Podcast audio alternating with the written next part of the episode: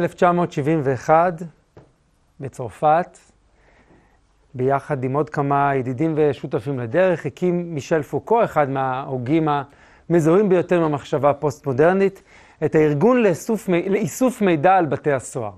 מטרתו של הארגון היה, הייתה להשיג ולהפיץ ולארגן מידע על מצוקת האסירים אה, הקשה בבתי הסוהר ברחבי צרפת, אה, ולהעמיד את הנושא במוקד סדר היום הציבורי. פוקו ערך באותה תקופה מסיבות עיתונאים, פרסם עלונים, חלקם חשאיים, חלקם אה, אה, חוקיים, ארגן הפגנות ופעולות מחאה מול בתי הסוהר, ניסח שאלונים ומשאלים, אה, חילק אותם, חילק כל מיני שאלונים למשפחות האסירים, ודרכם ניסה לשאוב מידע על המתרחש בבתי הסוהר בשל צרפת.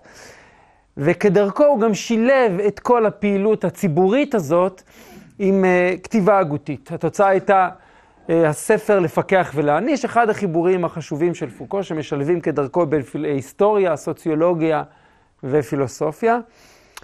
בדומה לכך, בתקופות אחרות בחייו היה פוקו פעיל בכל מיני uh, זירות פוליטיות וחברתיות. הוא היה פעיל למען זכויות חולים uh, פסיכיאטרים, חולי נפש, למען זכויות הומוסקסואלים, פעיל אה, בכל מיני אה, פעילות אנטי-קולוניאליסטית בצפון אה, אפריקה, פעיל למען מהגרים, פעיל נגד הרודן הספרדי פרנקו, שהוא נסע לספרד בשביל, כחלק מהפגנות של אינטלקטואלים מרחבי העולם, ועוד.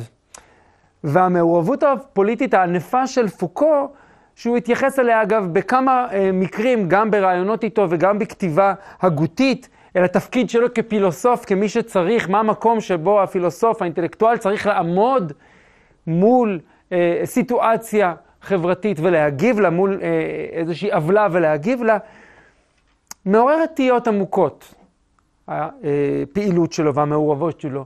שכן אחת השאלות שעולות תמיד כשעוסקים בשיח פוסט-מודרני או במחשבה פוסט-מודרנית, היא כיצד ניתן, ניתן להשיג, להציג איזושהי מדיניות איזושהי ביקורת, איזושהי עמדה סדורה, להיאבק אה, למענה, תוך כדי אחיזה בעמדה שאין בעצם אמת. האם אין כאן סתירה פנימית? השאלה הזאת רלוונטית לא רק לגבי פוקו, אלא לגבי הוגים פוסט-מודרניים רבים אחרים, כמו שנראה אה, בהמשך. ההתמודדות עם השאלה הזאת תהיה עבורנו נקודת מוצא להתמודדות בכלל עם המקום של הפוליטיקה או יותר נכון המקום הכל כך מרכזי ודומיננטי של הפוליטיקה בתוך המחשבה הפוסט-מודרנית. נפתח עם העמקה אה, בהגות של פוקו, שנפגשתי איתה קצת דרך מושג השיח בהרצאה הקודמת. באמת בהרצאה הקודמת נגענו בין השאר אה, בפילוסופיה של ז'אק דרידה, וראינו כיצד פילוסופיית הלשון שלו היא פוליטית ממש מן הקצה אל הקצה. כן, כל, אה, גם היבטים שהם לכאורה היבטים אה, בלשניים וכן הלאה, ניתוחי לשון, הם בעצם שרויים ועמוקות בתוך מחשבה פוליטית. דוגמה נוספת לקשר שבין השפה והשיח היא אה, מושג, המושג ידע כוח אצל מישל פוקו. זה אחד המושגים המשפיעים ביותר, המשפיעים ביותר בכלל בשיח הפוסט-מודרני, במיוחד אה, על שיח פוסט-מודרני אה, בעל, בעל, אה, בשדות בעלי משמעות מעשית יותר, לשם הוא חדר דרך השפעה של פוקו על תחומי מחקר כמו סוציולוגיה, אנתרופולוגיה, תקשורת, מדעי המדינה וכולי. אה, במקומות אחדים פוקו משתמש בצורות ידע לוחסן כוח, או כוח לוחסן ידע, כי מבחינתו אין הבדל. היחס בין ידע וכוח, טוען פוקו, הוא כמו היחס בין חומר ואנרגיה בפיזיקה של איינשטיין. כן, התאנה היא שאלה שתי צורות שונות של בעצם אותו דבר. רשת הכוח, רשתות של הכוח מייצרות ידע, שמוליד כוח, שמעצב צורות של ידע, וחוזר חלילה במעין לולאה סגורה אינסופית שלא אה, מסתיימת אף פעם. הכוח והידע משולבים זה בזה בצורה שלא ניתנת בעצם להפרדה, לפעמים אפילו לא ניתן להבחין בין מתי אנחנו מדברים פה על כוח ומתי על ידע, ולכן הוא משתמש אה, באופן תדיר בספרים שלו במושג, במושג כוח ידע או ידע כוח, כבעצם מושג שהוא שקול. בכל פעם שנוצר מערך של ידע, הוא מעצב גם מערכים של כוח, ובכל פעם שנוצר מערך של כוח, הוא מעצב סדירויות שונות של ידע, שמשמרות את הכוח האלה, את הכוח הזה וכן הלאה. הסדירויות האלה של הידע כוללות אידיאולוגיות שונות, אה, שמתייחסות לידע כאל משהו ניטרלי ואובייקטיבי, וכך הן בעצם משמרות את הכוח שלו. דוגמה בולדת, שפוקו מביא אותה כמה פעמים, היא האידיאולוגיה הסמויה, הסמויה של המדע. מתייחסת לידע שהמדע מייצר כאל גורם ניטרלי ואובייקטיבי. ובניגוד להנחה הסמויה הזו, פוקו טוען שהידע המדעי איננו גורם אדיש, והוא לא ניטרלי ולא אובייקטיבי אף פעם. הוא חלק בלתי נפרד ממאבקי כוח, מיחסי כוח, מאינטרסים, כלומר, מפוליטיקה. כך למשל ביחסי כוח לא שוויוניים בין גברים לנשים, שהם מצב העניינים התדיר ברוב החברות שאנחנו חיים בהן, או כמעט בעצם בכל החברות שאנחנו מכירים, מיוצר ידע על נשים. כתוצאה מכך, יש יותר ספרים שעוסקים בנשים ונשיות מאשר בגברים, בגברים וגבריות, כמובן ספרים שנכתבים כמעט כולם על ידי גברים.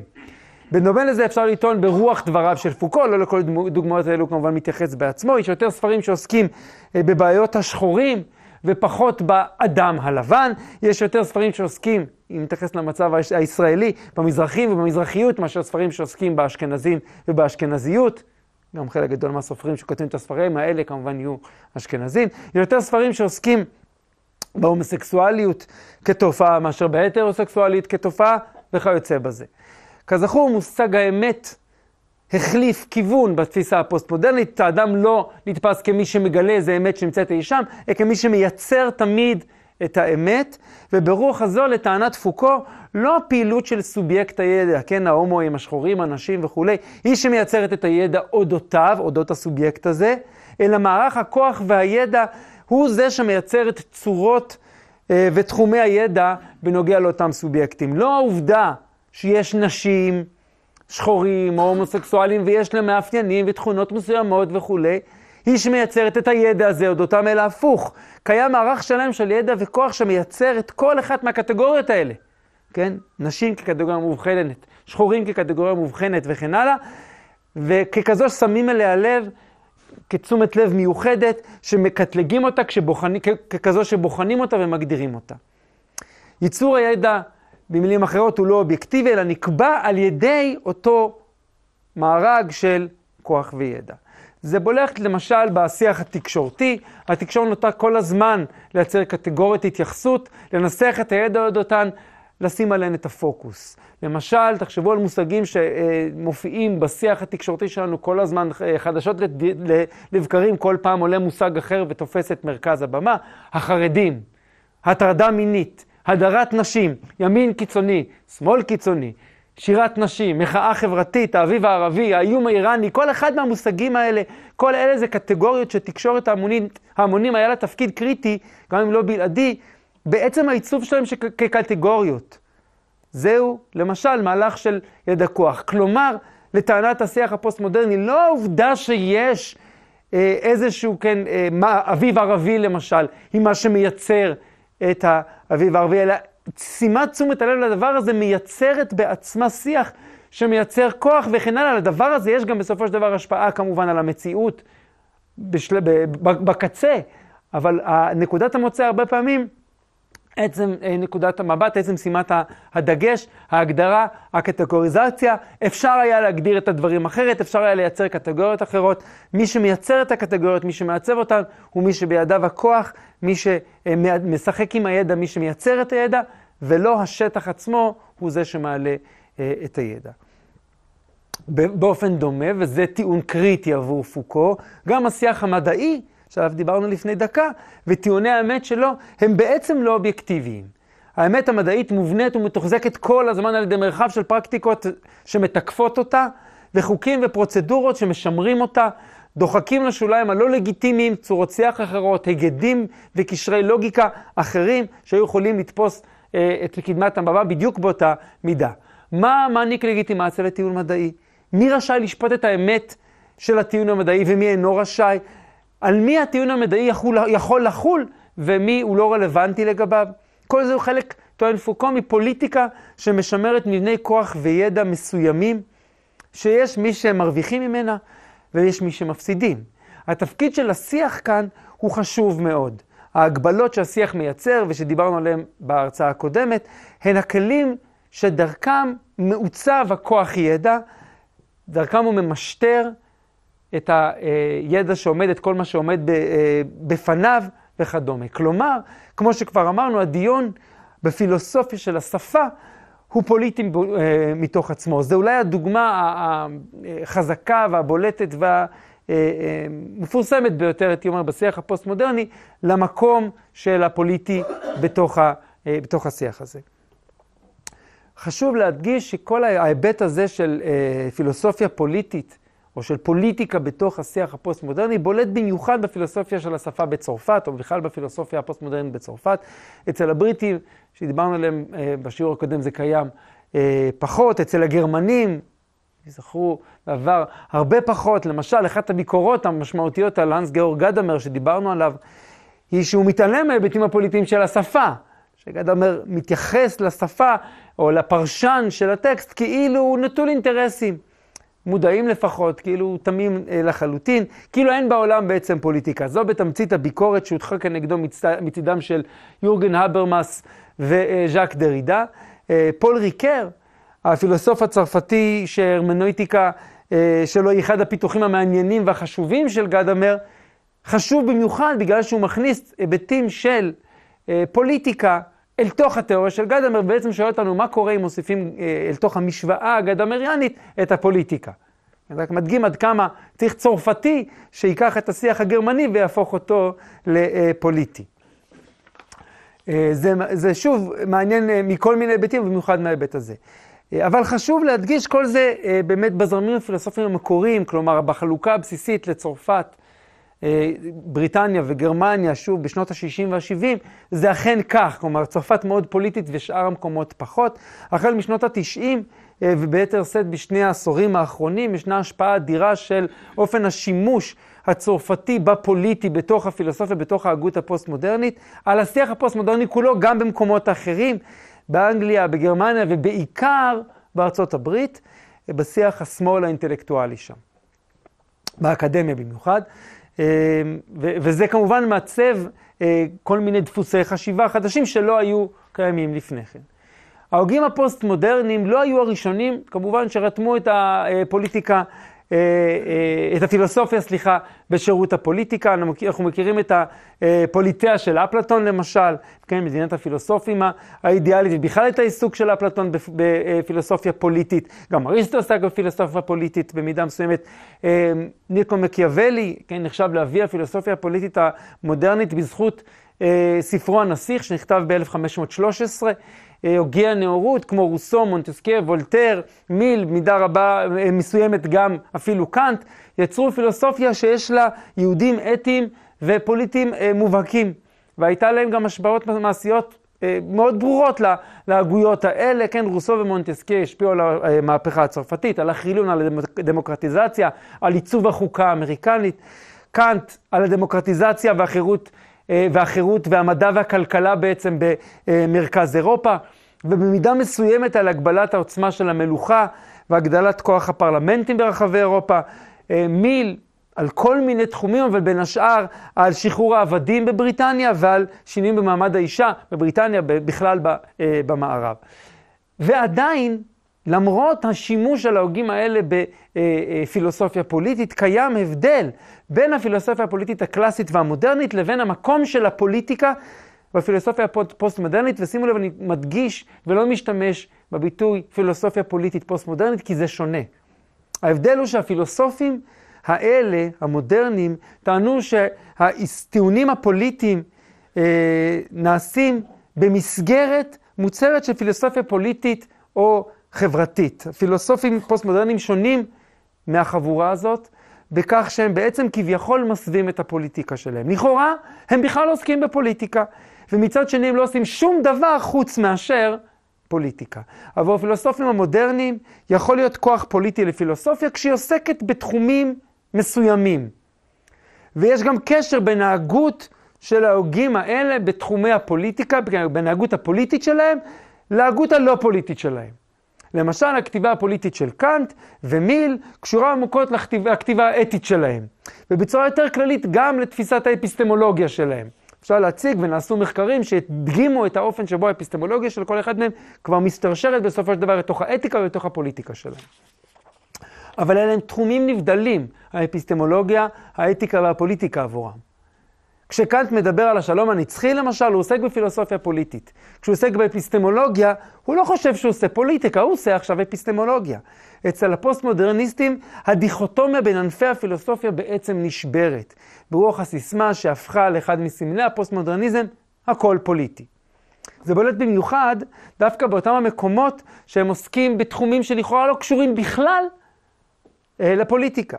למשל, בחיבור הראשון של ז'אק דרידה, הגרמטולוגיה, הוא עוסק לכאורה באפיסטמולוגיה ובקשר בין השפה, הלוגיקה והתודעה, אבל רק לכאורה כי בעצם ההשתמעויות הפוליטיות של הדיון שלו עולות כמעט מאליהן לאורך כל הדרך. הדבר הזה קיים אצל רוב ההוגים הפוסט-מודרניים, במיוחד אלה הצרפתים, אבל גם חלוצי, אה, אה, אצל הוגי אסכולת פרנקפורט, שקדמו קצת לתקופה שאנחנו מדברים עליה, שהם בעצם פילוסופים פוסט-מודרניים, גרמנים, סוציאליסטים, לא ניכנס פה אה, בהרחבה למה מייחד אותם, ואצל הוגים אמריקאים כמו, אה, שהושפעו מהצרפתים, כמו אה, אה, דונלדסון ורורטי, גם אצלם אפשר למצוא בדיוק את אותם ההיבטים של אה, האופן שבו הפוליטי בעצם שזור לכל אורך המחשבה, וגם במקומות שלכאורה, מה הקשר שלהם לפילוסופיה אה, פוליטית, עד כדי כך שכמעט לא נמצא הוגים פוסט-מודרניים שעוסקים בפילוסופיה פוליטית, במוצהר. מדוע? כי אין צורך. זה נמצא לאורך כל הדרך. הטיעון כאילו יש תחום כזה שנקרא פילוסופיה פוליטית הוא ביניהם בעייתי. הכל הוא בעצם פוליטיקה. עכשיו, שבירת המחיצות הזו בין הפוליטי לבין הפילוסופי קיימת גם מעבר לגמולות הפילוסופיה ומשתלפת בכל תחומי הכתיבה האקדמית. מאז אמצע שנות ה-80 אה, בערך מושג התרבות הופך להיות אחד המושגים הדומיננטיים ביותר במדעי האדם, כמו במדעי הרוח והחברה, והעיסוק בו אה, כולל בליל אחד גדול של עיסוק בפילוסופיה, ספרות, היסטוריה, אה, פסיכולוגיה, סוציולוגיה, אנתרופולוגיה, תיאולוגיה, חינוך, כל התחומים האלה ביחד, כן, טקסים, כל הדברים האלה, משפטים, גיאוגרפיה, מה שתרצו, כל הדברים האלה מתחילים להגדיר את המושג האמורפי והלא ברור הזה, תרבות. וגם הם משפיעים אה, באופן, אה, בחזרה על ההגות הפוסט-מודרנית, כך למשל אפשר להתבלבל בשאלה אם דרידה הוא מבקר ספרות או שהוא פילוסוף, פוקו יכול לכתוב על תולדות המיניות, כלומר היסטוריה, תולדות השיגעון, תולדות הכליאה. בתי החולים וכולי, וזה היסטוריה מעורבבת בפילוסופיה. היידן ווייט יכול לשלב בין ביקורת ספרות, היסטוריה ופילוסופיה. סטנלי פיש בין משפטים, ספרות ופילוסופיה. כן, לאקאן וקריסטבה ורבים נוספים, לשלב בין פילוסופיה ו... פסיכואנליזה, פול ויריליו, אם נלך למקומות הרחוקים ויכול יכול לכתוב ניתוח פילוסופי של המרחב, תוך שימוש בכלים מתחום הגיאוגרפיה, ומשתלבים אצלו בהיסטוריה, פילוסופיה וסוציולוגיה. ועוד ועוד ועוד. בתוך כל זה תמיד, תמיד, תמיד תהיה מעורבבת בצורה מאוד מאוד חזקה פוליטיקה. פוליטיקה. תמיד יהיו שם טיעונים פוליטיים ואתיים, ותכף נדבר על החיבור בין אתיקה ופוליטיקה. הרכיב הפוליטי הוא מבחינת ההוגים שהזכרנו בעצם אה, כמעט מובן מאליו, אה, הוא בילד אין בדיון, כן? אי אפשר בלעדיו. ונקודה אחרונה, וכן, בהקשר הזה, שחשוב להדגיש כאן, עבור ההוגים הפוסט-מודרניים, בדרך כלל פוליטיקה ואתיקה היינו הך. הם בעצם אה, עשייה זהה. הניתוח הפוליטי שלהם נתפס על ידיהם כעשייה אתית, וכל ניתוח אתי יש לו מיד השתמעויות פוליטיות. אי אפשר להפריד בין, כמו שאי אפשר להפריד בין כוח וידע, אי אפשר להפריד בין אתיקה ופוליטיקה. אתיקה ופוליטיקה הם בעצם עשייה אחת. כן, העשייה המוסרית היא גם עשייה פוליטית. מאחורי המהלך הזה עומדים שילוב של שני טיעונים שצומחים בשנות ה-60 וה-70. כן, קודם כל אפשר להציג אותם דרך שני פתגמים, הייתי אומר. כן, ראשון הוא פתגם, הייתי אומר פתגם, כן, אה, משפט קצר של פוקו, שטוען שהכוח פועל לכל הכיוונים, ולא רק כמו בתפיסה המרקסיסטית מלמעלה למטה. היינו, כן, התפיסה המרקסיסטית שגרסה שתמיד הכוח, כן, המעמד העליון, המעמדות הגבוהים מפעילים כוח שמדכא את המעמדות התחתונים. כנגד זה טוען פוקו, כל אחד מפעיל כל הזמן כוח פוליטי על כל האחרים, לכל הכיוונים, לכל המרחבים, לצדדים, למעלה, למטה. וזה, ולא, למרות שלא כל הכוחות שווים כמובן, הם מופעלים כל הזמן. אי אפשר לדבר רק על מישהו אחד שמדכא מישהו אחר, אלא כולנו כל הזמן עושים פוליטיקה. והתובנה, זה הדבר הראשון. והדבר השני או הפתגם השני הוא תובנה של הוגות פמיניסטיות מהגל השני, שהופכת לפופולרית יותר ויותר ודומיננטית יותר ויותר תחת הסיסמה, האישי הוא הפוליטי. היינו, הפוליטיקה לא מתרחשת רק במרחב הציבורי, פוליטיקה מתרחשת בכל מקום שבו יש בני אדם. כן, סיסמאות נוספות שאותו הוגות תובעות היא למשל פוליטיקה של עקרות הבית, כן, הפוליטיקה מתרחשת בין בני הזוג בתוך הבית ויש להם עוד חזקות מאוד בסלוגנים אה, מהגל השני. אה, אז באמת הרעיון שעומד מאחורי הדבר הזה הוא שבאמת אה, האישי או פוליטי, כלומר הפוליטיקה לא מתרחשת רק במרחב הציבורי, בניגוד למקור של המילה פוליטיקה שקשורה לפוליס, כלומר למה שקורה בעיר, במרחב הציבורי, הפוליטי מתרחשת גם במקום הכי אישי, הכי אינטימי, בתוך הבית, בתוך הזוגיות, ביחס בין הורים לילדים, בין בני זוג וכן הלאה. גם שם מתרחשים יחסים פוליטיים. גם אופן שבו אנשים אה, מכלכלים את חייהם הפרטיים ביותר, בעצם מושפע מפוליטיקה ומייצר בחזרה פוליטיקה. כתוצאה משילוב של שני הפתגמים האלה, כן, של הכוח שפועל לכל הכיוונים, ושל האישי או הפוליטי, במידה רבה אה, העובדה שהמעשה האינטלקטואלי נתפס כפוליטי, אה, משום שכל מעשה בעצם נתפס עכשיו כפוליטי, ממילא כל שילוב של מבע אינטלקטואלי נתפס כלגיטימי. כבר אין מדען לעומת פילוסוף. אין מומחה לתחום זה לעומת מומחה לתחום אחר. יש תיאורטיקן או אינטלקטואל או הוגה, והוא נתפס כמי שעושה מעשים פוליטיים באמצעות מילים. אם הכוח פועל לכל הכיוונים, ואם האישי הוא הפוליטי, ואם הכל פוליטי, אז בעצם כל מעשה הוא פוליטי, כולל המעשה של הפילוסוף, וכל מה שהפילוסוף אומר, או המדען אומר, כן, או איש התקשורת אומר, הוא פוליטי בדיוק כמו כל דבר שהפוליטיקאי למשל אומר. כלומר, זה בעצם אין הבדל בין הדברים השונים, ולכן בסופו של דבר זה מייצר שיח שבו בעצם הש... כל עשייה פוליטית, אה, סליחה, עשייה פילוסופית נתפסת ככזו שהיא בעצם פוליטית בילד אין. וכאן אני רוצה לחזור לשאלה שאיתה פתחתי. ושאני רוצה להציג אותה מזווית מעט שונה, אבל בעצם אותו דבר. כבר דיברנו על כך שאחד המאפיינים הבולטים של העידן הפוסט-מודרני הוא ייאוש. חוויה מאוד חזקה של ייאוש. החוויה הפוסט-מודרנית מר... כוללת מרכיבים בולטים של ייאוש מהסיטואציה האנושית, אני לא רוצה לחזור על זה באריכות, כן, ייאוש מהיכולת של האדם להבין את המציאות, לטפל בה, ייאוש מהיכולת של האדם לשפר את המציאות. הפוסט-מודרניזם נעוץ בחוויה לפיה המציאות היא כאוטית, כן, ולכן אין לנו דרך לדעת באמת אה, איזה השפעה תהיה לגורם אחד שנעשה על גורמים אחרים. הרבה מאוד מקריות מסתובבת פה, כן? אחד הדימויים שחביבים על הוגים פוסט-מודרניים, דרידה משתמש בדימוי הזה כל הזמן, הוא דימוי הגריד, כן, האריג, כמו שהוא אומר, כל חוט שמושכים במקום אחד, בבד מזיז את כל החוטים במקומות אחרים, ואין לך מושג, כשאתה מנסה להתיר איזשהו קשר בבד, אין לך מושג איזה בלאגן תייצר בבד אה, במקום אחר. ניסיון לעשות טוב במילים אחרות במקום אחד, יפעיל כוח במקום אחר, אולי הוא יעשה שם טוב, אבל אין לך שום מושג, יכול להיות ששם הוא יעשה אה, נזק או רוע. כן, התוצאה של, או אחת התוצאות האפשריות, התוצאה שקרתה בפועל של כל המחשבה אה, אה, אה, הזאת, היא למעשה סוג של ייאוש מוסרי.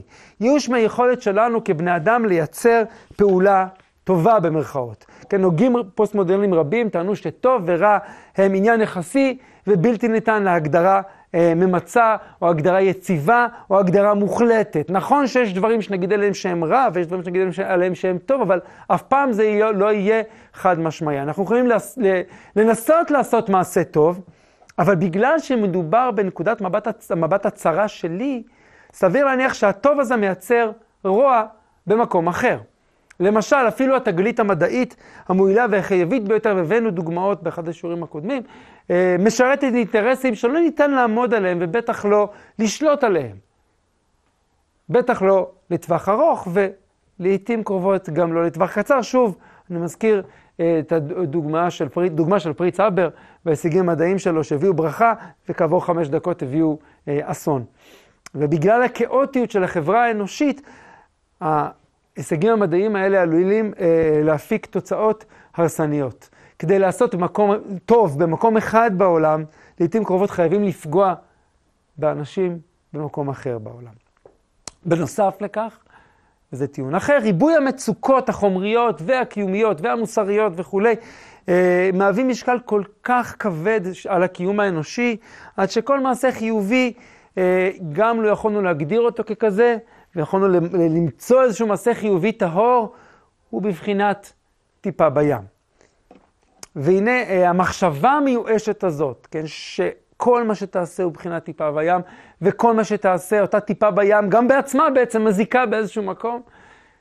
המחשבה המיואשת הזאת מוציאה מקרבה פילוסופים מעורבים מאוד בפוליטיקה, במובן הצר והפשוט והיומיומי שלה, מעורבים אולי יותר מכל, אה, כמעט, או מרוב הפילוסופים בעבר, כן?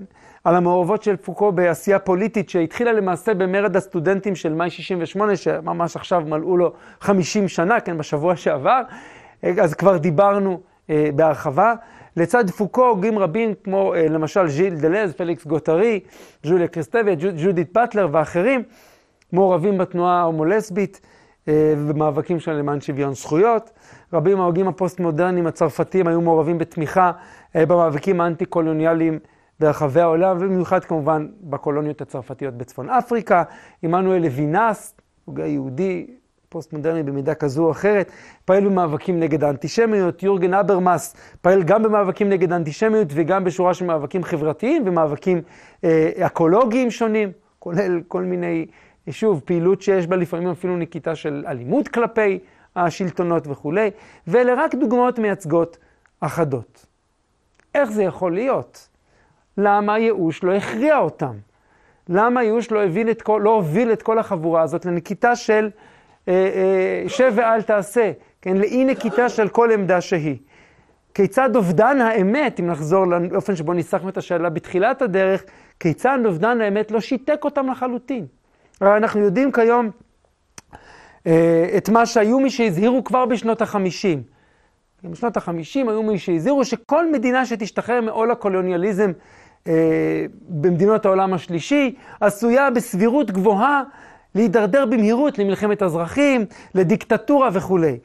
ברבות מדינות אפריקה, דרום אמריקה וכולי, אה, שבשחרורן גרף, אה, תמך באופן גורף השיח הפוסט-מודרני, זה אכן מה שקרה. זו דוגמה בולטת לאופן שבו אה, מה שנראה לכאורה כמעשה טוב מוחלט, כן, לשחרר מדינות מעול של שלטון קולוניאלי, מוביל גם להרבה מאוד רע. סביר להניח שבתקופה של שלטון קולוניאלי בחלק ממדינות אפריקה, אה, כן, מקרים של, של אה, רצח עם שהתרחשו שם לא היו קורים. יכול להיות שהיו קורים הרבה דברים רעים אחרים, אבל הדברים, לפחות רצח העם הזה לא היה מתרחש. וזה כמובן בלי שאני רוצה להכריע בשאלה אם היה צריך או לא היה צריך לתת עצמאות למדינות האלה. אבל כשאתה מקשיב לדיון של הוגים פוסט-מודרניים בשאלה האם צריך או לא צריך, השיקול הזה בכלל לא עולה. ברור להם שהטוב המוחלט הוא לתת עצמאות לקולוניות. אינטלקטואלים פוסט-מודרניים, כמו שאמרת, היו בחוד החנית של המאבק הזה נגד הקולוניאליזם. איך הם יכלו בעת ובעונה אחת להביע עמדה מיואשת, עמדה שלא מאמינה באמת, ובעת ובעונה אחת גם לפעול, להוביל הפגנות, להוביל עצומות וכן הלאה. השאלה הזו קשורה לא רק להוגים, אלא גם לחוויה האנושית בעידן הפוסט-מודרני. מצד אחד, החוויה הפוסט-מודרנית היא חוויה של ייאוש, ייאוש מהאידיאולוגיות, ייאוש מהאנושי, ייאוש מהמוסרי, אבל מצד שני, למרות החוויה הזאת, לא נפסקת הפעילות החברתית, המוסרית והפוליטית, ואפילו לפעמים יש תחושה שהיא רק מועצמת, ובאותם חוגים שאוחזים באותה תפיסה פוסט-מודרנית של ייאוש, ו, אה, ייאוש מוסרי וייאוש מהאמת. ואני חוזר באמת, וזה נורא נורא חשוב להדגיש את הנקודה הזאת, בבסיס השאלה הזו עומד באמת אה, הסתירה מול עמדת ריבוי האמיתות. אם אין אמת, מה נותן הצדקה לכל הפעילות הפוליטית? האם, הפעילו, אם, האם הפעילות הפוליטית היא בסך הכל תוצאה של אה, אינטרסנטיות צרופה? בהגות ששללה את מושגי האמת ומצב תרבותי של ניהיליזם, פלורליזם פרוע וחוויה של ריבוי אמיתות, איך ייתכן שמישהו ייאבק בעוצמה למען משהו? מה מצדיק את זה? אם אתה לא מאמין שמשהו בעצם אמיתי, ושכל, אה, וטוען שכל אידיאולוגיה היא בסך הכל אשליה, כן, שיח, כן, מין בועה נטולת כל ממשות, מה מצדיק את המעשה שאתה פועל בשמו? איך זה שאתה מוסר את נפשך ממש על אותה, אותם המעשים, אם בעצם אין שום הצדקה, שום אמת שעומדת מאחורי מה שאתה עושה. וכל זה בעצם מחזיר אותנו לשאלת האתיקה בעידן הפוסט-מודרני לעומת האתיקה בעידן המודרני. כן, על ידי ניתוח של ההבדל בין האופן שבו נראית האתיקה המודרנית לאתיקה הפוסט-מודרנית, ננסה להתקדם בהבנה של הסתירה הפנימית הזאת. לכאורה אה, ניתן היה לצפות שעם מותה של האמת, בעידן הפוסט-מודרני, תמות גם האתיקה. למה? האתיקה המודרנית בעצם התפתחה דרך שני כיוונים עיקריים, או נשענה על שני זרמים מרכזיים. האחד הוא התועלתנות הבריטית-אמריקנית, והשני הוא הצו הקטגורי, הקנטיאני של הפילוסופיה הגרמנית אה, אה, מבית מדרשו של קאנט. צורת האתיקה, שתי, שתי צורות האתיקה האלו, סליחה, מניחות הנחה מודרניסטית מובהקת אה, בדבר האוניברסליות של המצב האנושי והאוניברסליות של המוסר. הן מניחות שקיימת אמת אתית שניתנת לפענוח, כן, כך לפי למשל קאנט, הגל ומרקס, או עושר כלשהו שניתן שהוא אחד והוא ברור ומובחן וניתן לחתור אליו, כן, כמו שטענו למשל ג'רמי בנטאם, מיל ובנג'מין פרנקלין.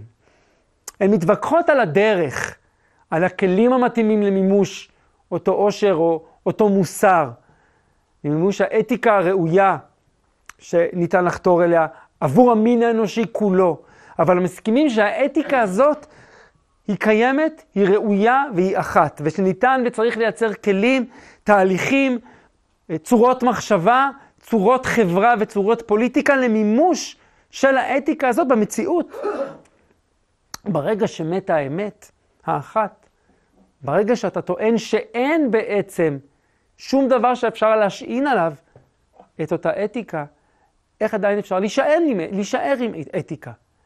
והנה, לא רק שהאתיקה לא מתה בעידן הפוסט-מודרנית, בהגות הפוסט-מודרנית היא ממש פורחת, ולא מדובר כאן רק בפילוסופיה, מושגים כמו הדרה, דיכוי, שוליות, אחרות, נולדים אמנם בתוך כתיבה של הוגים פוסט-מודרניים, כמו למשל דרידה ופוקו, שם זה מאוד בולט, כן, דלז, בורדיה, לוינס, הברמאס, כולם משתמשים במושגים האלה, אבל נודדים במהירות לתחומי דעת אחרים. בשנות ה-70 נוצרות אסכולות למשל של היסטוריונים שעוסקים במה שניתן לכנות אה, בדיעבד מחקרי הדרה. כן, הם חושפים שכבות של הדרה של כל מיני אחרים לאורך ההיסטוריה. מאתרים קולות מושתקים, קולות מדוכאים של כל מיני קבוצות שוליים, כן, אה, העיקרים והעניים והנשים וההומוסקסואלים ומי שרק תרצו, כל מי שההיסטוריה הרשמית, ה, ה, ה, ה, כן, הגדולה, לא דיברו עליה, כן? מתרבה עיסוק באמת בטקסטים שנדחקו אה, לאורך ההיסטוריה לשוליים מפני הקאנון. לא לחקור את אה, אה, שייקספיר, אלא לחקור רשימות מכולת מתקופת שייקספיר, כן? וכן על זה הדרך. מתעצבת כתיבה היסטורית מנקודת מבט של החלש, של האחר, של הזר, של השולי, לפעמים של הביזארי. ההיסטוריה הקלאסית התמקדה במלכים, באצילים, בעשירים, בתהליכים גדולים, במלחמות, בקטסטרופות, תגליות מדעיות גדולות וכולי. אה, במצ... במצליחנים, התמקדה במצליחנים. ההיסטוריונים החדשים עוסקים משנות ה-70 בעיקר בקבוצות השוליים. נשים, עניים, יהודים, מזרחיים, שחורים, מאתרים טקסטים שלהם, מנתחים את נקודת המבט שלהם על המציאות. לצד זה חוזרים. אה, אה, אה, חוזרים במערב, כן, חוזרים לחקור את המערב, לא רק את כל מיני תרבויות זרות, אבל חוקרים את חיי היומיום, את הבנאלי, את השגרתי, את הביגוד, את האוכל, את הנימוסים, את יחסי המין, לא, שוב, את הגדול והמפואר והחד פעמי. כן, חוקרי ספרות, אם נעזוב את ההיסטוריה ונפנה לספרות, בעידן הפוסט-מודרני, עושים אותו דבר דרך קנון הספרותי, מהתנ"ך ועד לספרות המאה ה-20. כן, סופרים, אה, הם בעצם, שוב, יחקרו לא את ההיבטים הבולטים, אלא כל מיני היבטים שהודרו והודחקו, או צורות קריאה חדשות שהם לא המיינסטרים של קריאת הטקסט. סופרים, משוררים, מחזאים, אנשי קולנוע פוסט-מודרניים, יוצרים דימויים מילוליים וחזותיים שנועדו לחשוף את האטם הדרות, דיכויים, שוליות, אחרות וכולי וכולי, ולפרק אותם ולהציב במקומם אלטרנטיבה. לחשוף את המנגנון שמייצר את אותם הדרות, ולהציע אלטרנטיבה איך אפשר לחיות בעולם שאין בו את ההדרות האלה.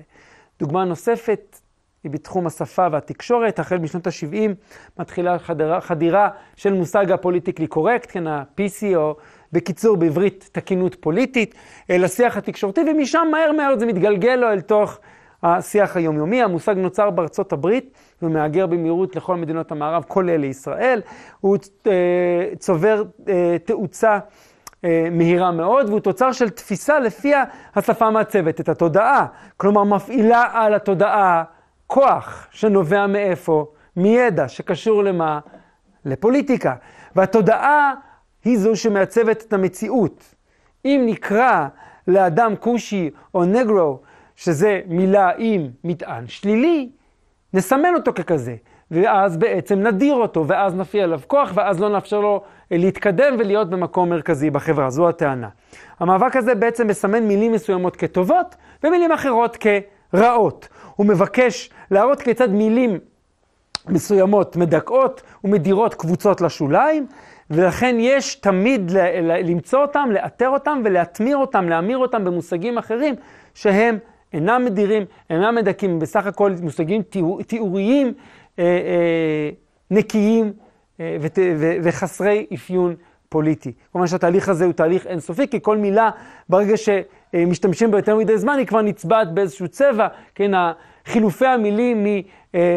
אינבציל, לאינווליד, למוגבל, וכולי וכולי, כן, שרשרת המילים שאנחנו מכירים עד שאנחנו מגיעים היום, כן, להפרעות כן, השימוש בהפרעות, הפרעות קשב, הפרעות ריכוז וכולי וכולי, מדגימה בדיוק את התופעה הזאת. ברגע שאתה, כן, משתמש, השימושים המקוריים בכל מיני ביטויים שנתפסו כביטויי גנאי, הוחלפו ביטוי אחר, שהוחלף בביטוי שלישי ורביעי וחמישי, אה, ואני לא אומר ש, ש, שזה רע, אבל זה רק מעין דינמיקה כזאת שאי אפשר להשתחרר עליו, היא באמת מצביעה בעיקר על האופן שבו האנרגיה האתית מאוד חזקה בתוך השיח הפוסט-מודרני.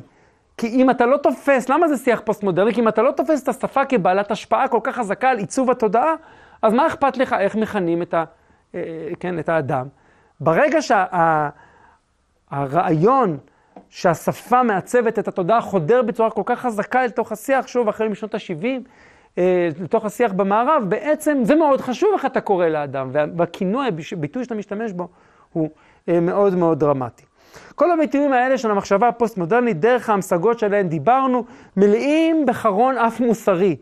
כן? זה לא, אף פעם לא בא בצורה כזאת של מין דיון אינטלקטואלי אה, נקי. זה תמיד יהיה מלווה באיזשהו זעם אתי.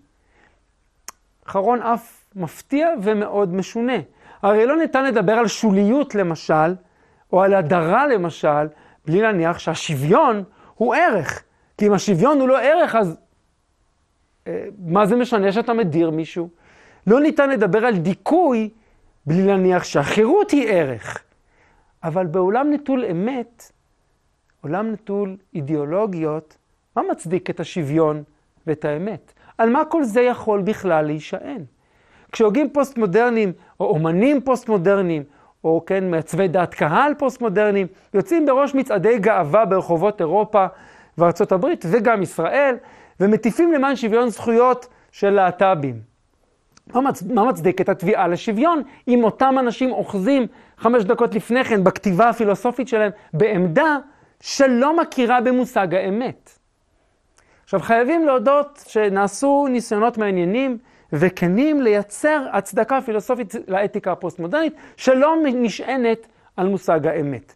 עסקו בכך למשל פוקו, דרידה, דלז ועוד כמה הוגים.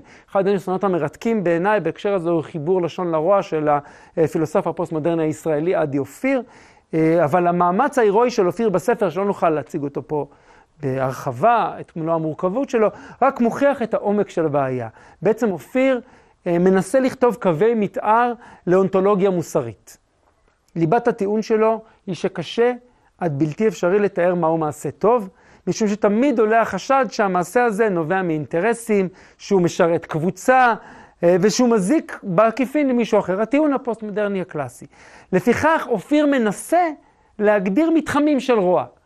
כן, לנסות לאפיין אה, מהו רוע שממנו יש להימנע באופן מוחלט. הניסיון המורכב שלו בספר רק מראה עד כמה קשה לייצר הצדקה מוסרית. בסוף, הוא נותר רק עם האפשרות לקבוע שיש מעשים שאין לעשות. לצבוע, כמו שהוא טוען, מכנה את זה, מתחמים מסוימים של פעילות אנושית כרעים. אבל הוא מתקשה מאוד להצדיק עשייה חיובית, וגם הלגיטימיות של הגדרת הרוע היא בעייתית. בהיעדר מושג אמת, והיא מותירה תחום צר מאוד של נושאים שניתן לומר עליהם באופן מוחלט, שבאופן חד משמעי שהם רעים. אז אם כן, שבה השאלה, מדוע להיאבק למען דברים? הרי מאבקים של אה, ההוגים הפוסט-מודרניים, או של בכלל, אה, כן, אנשים שאוחזים בתפיסה פוסט-מודרנית, אינם רק למנוע עוול, הם גם מבקשים לכאורה לייצר סוג של טוב. אז אם ככה, אבל אם בעצם אי אפשר להגדיר טוב, וכל הגדרה של טוב היא בעייתית, מה וכיצד ומאיפה אנחנו יוצאים. אז כדי לנסות באמת להבין אה, ולענות על זה, חשוב אה, להצביע על סוגי המאבקים, קודם כל שאליהם יוצאים הוגים פוסט-מודרניים. וכשנתבונן בהם נגלה שהרבה פעמים סוגי המאבקים האלה כאילו לא קשורים להגות שלהם. כאילו יש פה שני דמויות אה, ששוכנעות באותו אדם, וננסה בעצם לנתח ולהבין איך זה קורה. המאבקים הם בגדול מאבקים ש, שאליהם כן, פונה החברה הפלורליסטית המערבית. מאבקים למען קבוצות מיעוט וקבוצות שוליים, ומאבקים שמחלישים את ההגמוניות הוותיקות אה, ומחלישים מסורות מבוססות. ניתן להצביע אם ככה, אם זה שתי הסוגים של המאבקים שההגות הפוסט-מודרנית, או שהוגים פוסט-מודרניים, או שאנשים עם תפיסת עולם פוסט-מודרנית יוצאים אליהם, ניתן להצביע על כמה אתוסים שפועלים פה בעת ובעונה אחת, ומפעילים ופועלים, והם לא קשורים בהכרח לתפיסת העולם הפוסט-מודרנית. קודם כל, בראש ובראשונה, וזה נורא בולט וקשה, עד בלתי אפשר להתעלם ממנו, אתוס מרקסיסטי, של מאבק למען קבוצות מוחלשות, כן, של המעמדות הנמוכים, או של מאבק של הקבוצות המוחלשות, של המעמדות הנמוכים באליטות. הרבה מאוד מההוגים הפוסט-מודרניים פשוט צמחו בקבוצות שמאל, באקדמיה. גם אם ההגות שלהם לא יכולה להצדיק הגות מרקסיסטית, כי גם היא תיתפס כאידיאולוגיה שהיא בעייתית בדיוק כמו הגות ליברלית למשל וכולי וכולי. כלומר, כשהם יכתבו פילוסופיה, הם יאמרו את זה כי המרקסיזם הוא אידיאולוגיה, כמו כל אידיאולוגיה אחרת, וגם אם לא מזדהים במוצהר עם האידיאולוגיה הזאת, כי אי אפשר להזדה, להזדהות עם שום אידיאולוגיה, זה קיים בזהות שלהם, בעומק של הזהות מתחת לפני השטח. למשל, כן, דרידה מפרק בכמה מהטקסטים אה, היותר אה, אה, מרתקים שלו, טקסטים של מרקס, ממש קורע עליהם את הצורה, בניתוח אה, אה, כן, דקונסטרוקטיבי כדרכו, ומדגים את חוסר הקוהרנטיות של, של, של אה, אה, מרקס. פוקו מצהיר במקומות רבים שהוא לא מזדהה עם המרקסיזם ועם האלימות שנובעת ממנו, כן, אה, במשטרים קומוניסטיים. ועדיין במקום מאוד עמוק, שניהם הפנימו את מרכיבי המרקסיסטים, וזה ניכר מאוד בפעילות הפוליטית או בהצהרות הפוליטיות שהם שותפים להן. הנחות היסוד של רבים מההוגים הפוסט-מודרניים היא החלש צודק. הקבוצות שנמצאות בתחתית הסולם החברתי, מבחינה כלכלית, בראש ובראשונה נתפסות אוטומטית ככאלה שראויות לסעד. זהו שיח שמניח נקודת מבט היררכית ושמחלק את הטובים והרעים לפי הכוח והחולשה הפוליטיים, כלכליים וכולי. הפועלים חלשים הם מדוכאים ולכן הם גם טובים וכדומה. זה לא קשור לחלוטין לתפיסה הפוסט-מודרנית ואפילו עומד בסתירה, ועדיין זה קיים שם כמעין אה, תשתית זהותית שקודמת לכל האידיאולוגיות ולכל העיצובים הפילוסופיים וכל הרעיונות. אז זה האתוס הראשון. האתוס השני, שקיים כמעט, הייתי אומר, באותו מידה של עוצמה, זה הערכים הקלאסיים של האתוס הליברלי, המערבי, כגון סיסמאות המהפכה הצרפתית, כן? האחווה, שוויון וחירות, שהם הרעיונות הדומיננטיים של ההגות הצרפתית, שמשפיעה ונוכחת מאוד, כמו שאמרנו, בשיח הפוליטי. כשהמרכזיות של יצירת ההגות והמחקר נודדת לארצות הברית, היא מקבלת בזרועות פתוחות את הערכים האלה. כי גם הם בעצם חלק מאותו אתוס אמריקני, אם כי בארצות הברית הפרשנות של הערכים האלה קצת שונה, אבל אה, היא חיה בשלום בארצות הברית למשל עם ערכים אה, כמו התנ"ך בפרשנות הפרוטסטנטית שלו, אבל אה, הערכים האלה מגיעים לארצות הברית ושם הם, שוב, מאוד מאוד לגיטימיים, חלק מהאתוס. הם פחות דומיננטיים אה, באתוס הגרמני, ולכן אולי זה שם פחות פולט למשל. גם בבריטניה יש להם פרשנות מעט אחרת, יותר מתונה, ולכן אולי שם גם ההיבט הפוליטי, בשלב הראשון לפחות, הוא פחות דרמטי. זאת הנחת יסוד, שוב, הרעיונות הליברליים הם הנחות יסוד מובלעות, מובנות מאליהן, תרצו, זהותיות, כן, זהותיות, כשהן מעצבות את הזהות של ההוגים האלה, אה, ושלא צריך לדבר עליהם בכלל.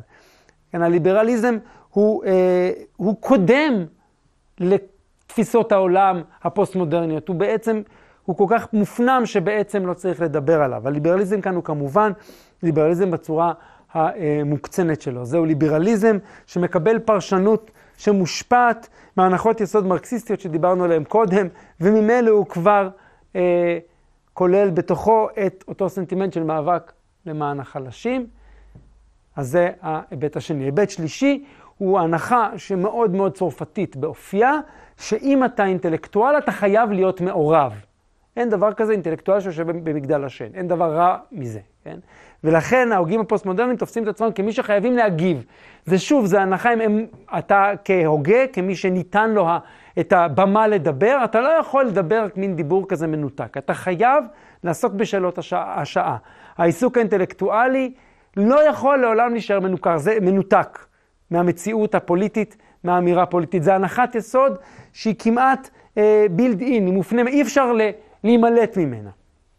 ולכן, שוב, מאוד חזק בצרפת, באופן אה, שכמעט בלתי ניתן אה, להתעלם ממנו, המקום של הפוליטי דווקא בצרפת.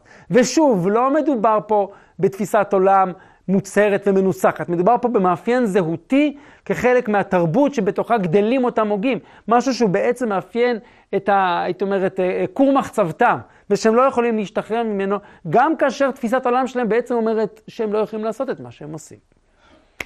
וארבע, ופה אני מגיע לטיעון היותר, אה, הייתי אומר, אה, מעניין, הוגים עקביים יותר, כמו פוקו, ויותר מודעים לעצמם, הייתי אומר, הודו שבאמת אין להם דרך להצדיק את המאבק שלהם.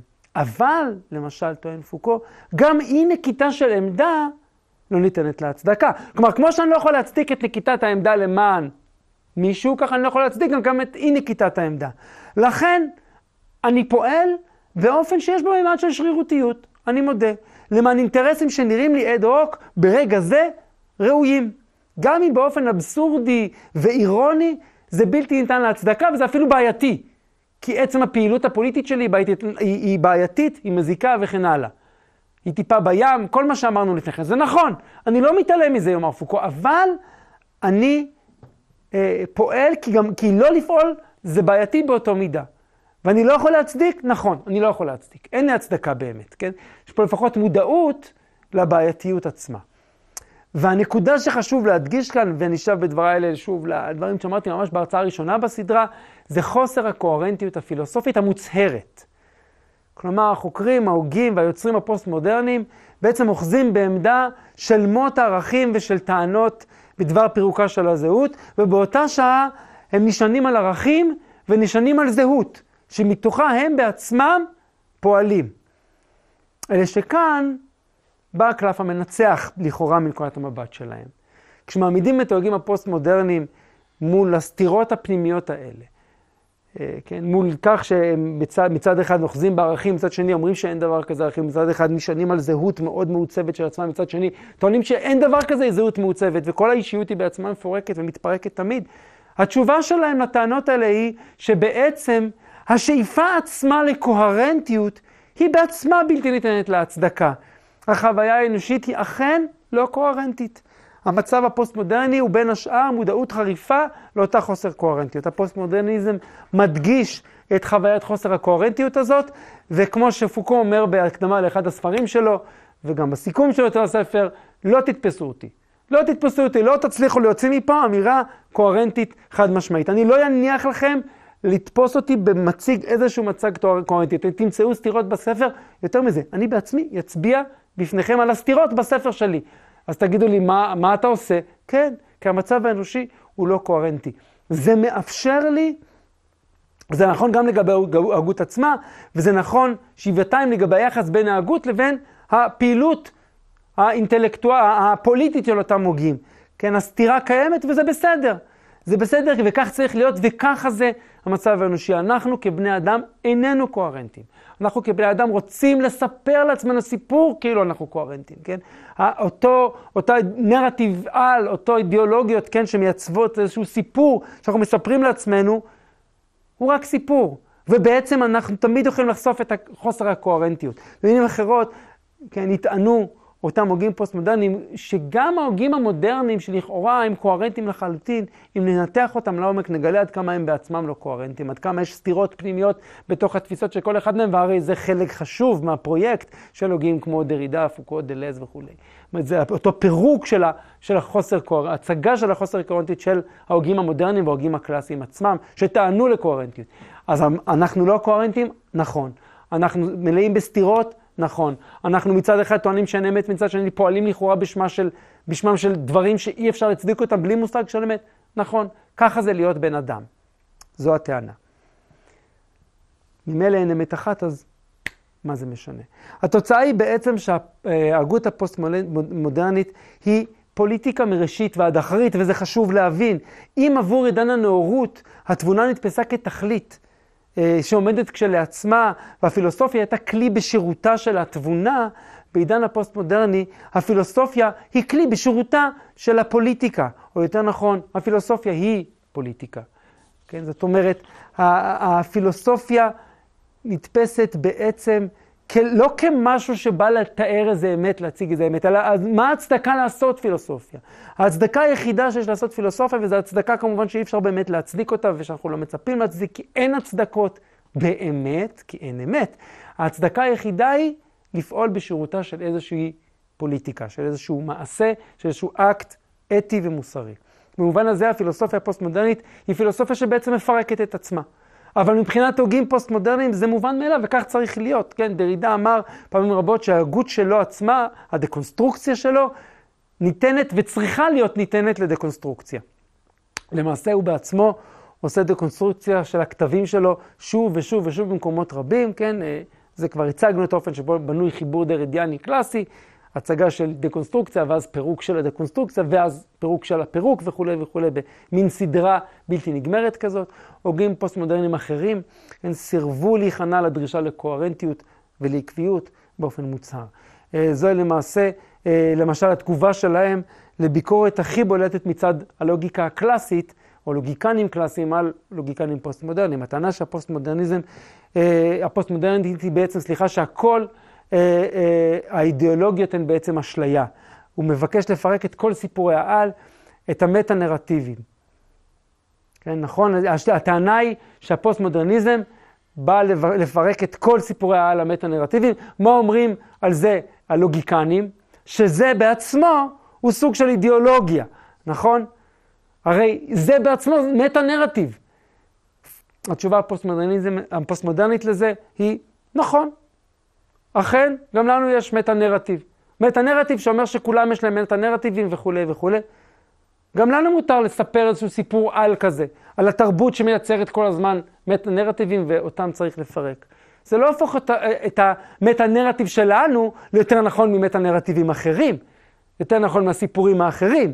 הוא משקף יומרות פוליטיות אחרות, שהן יומרניות בדיוק כמו היומרות הפוליטיות של כל סיפור על אחר. מותר גם את הסיפור שלנו לפרק. אבל אל תגידו לנו שהפירוק הזה משמעותו לחזור לתפיסה מודרניסטית של אידיאולוגיות חובקות קול שהן אמת מוחלטת. בעצם, אתם רוצים להגיד את זה? תגידו, אין בעיה. אנחנו נגיד משהו אחר.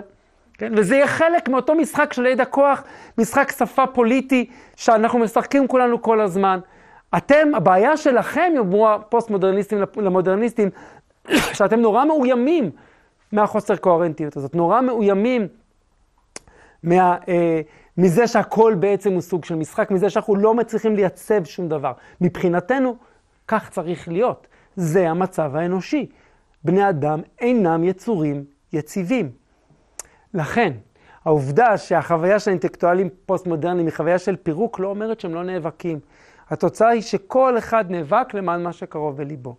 זו פוליטיקה של אינטרסים. העובדה שהם אומרים אמירות נורא נורא מיואשות, לא גורמת להם לא לפעול סליחה.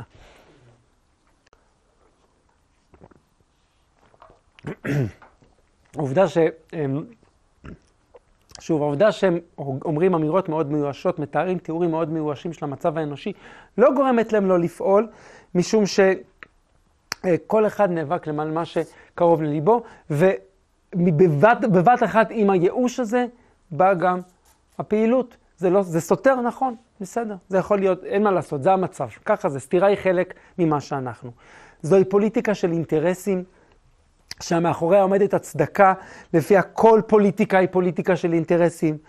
השפה שמעצבת אותה מנסה להסוות, כן, בפילוסופיה הקלאסית או בפילוסופיה המודרנית, מנסה להסוות, להסוות מבנים של ידע וכוח שמייצרים אשליה של ערכים שהם אמת מוחלטת, שהם לא אינטרסנטיים בכלל, שהם באים רק לטובתו של העושר הנצחי של המין האנושי וכולי וכולי.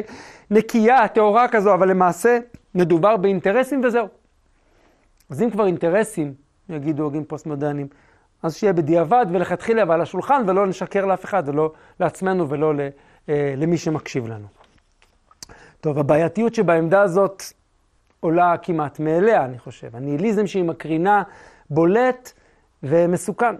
הביקורת הפוסט-מודרנית אמנם חושפת בעיות רבות, אה, וטוב שכך. אני חושב שיש כל מיני מאפיינים של הנוקשות והכוחנות של תפיסת עולם מודרניסטית שההגות הפוסט-מודרנית ריככה אה, וחשפה, אבל על הדרך, מה שנקרא, היא מייצרת גם בעיות עמוקות מאוד. אם יש משהו שאפשר ללמוד מכפל הפנים של ההוגים הפוסט-מודרניים, זה קודם כל שבני אדם בעצם לא יכולים שלא לנקוט עמדה. אדם חושב, אדם אה, בעל רגש ובעל שכל, לא יכול שלא לנקוט עמדה. אבל אם הדרך היחידה להצדיק נקיטת עמדה כרוכה בקידוש של האי-קוהרנטיות ובקידוש של אינטרסנטיות צרופה, הרי שאנחנו בבעיה. אני לא מבקש לומר בזה שכל מה שהרוח הפוסט-מודרנית הביאה לעולם הוא בעייתי ומסוכן. קשה לי אישית לקבל ולהאמין שאין שום דבר חיובי באיזושהי אה, אה, תפיסת עולם או נקודת מבט שהשפיעה על כל כך הרבה אנשים, ביניהם אנשים חכמים מאוד, במשך כל כך הרבה זמן ובכל כך הרבה מקומות ברחבי העולם. אבל לצד זה, אה, צריך להתבונן גם בעיניים פקוחות ובמבט מפוכח על הסכנות שהרוח הזאת הביאה איתה. האתגר הגדול שלנו, אני חושב, במאה ה-21, ובזה אני רוצה לסיים את אה, סדרת ההרצאות הזאת, היא, האתגר הגדול שלנו הוא לזהות את אותם היבטים חיוביים שקיימים בשיח הפוסט-מודרני ולאמץ אותם. אבל לצד זה גם לזהות את הסכנות ולהיזהר מהן. לייצר מבט חדש, מבט רענן, שמאפשר למין האנושי להמשיך ולתפקד, להתקדם מבחינה אתית אה, ולקדם רעיונות כמו צדק, אחווה, חירות, לשמור על הזהות שלנו כבני אדם וכבני חברה וכבני תרבות. לקחת את ההגות הפוסט-מודרנית, שבעיני הוגיה וכותביה אה, נחשבה לכזו, ככזו שבאה לפרק את הכל, אה, להשליך מסורת אינטלקטואלית. שנה לפח האשפה, ולמצוא כיצד המחשבה הזו בעצמה, שאמורה הייתה להחליף את הכל, היא בסך הכל עוד קומה, עוד שלב בתוך מסורת אינטלקטואלית, פילוסופית, רוחנית אם תרצו, של העולם המערבי, שממשיכה אותה, מפרשת אותה, משפרת אותה, מתקנת אותה ולוקחת אותנו צעד אחד נוסף קדימה. עד כאן.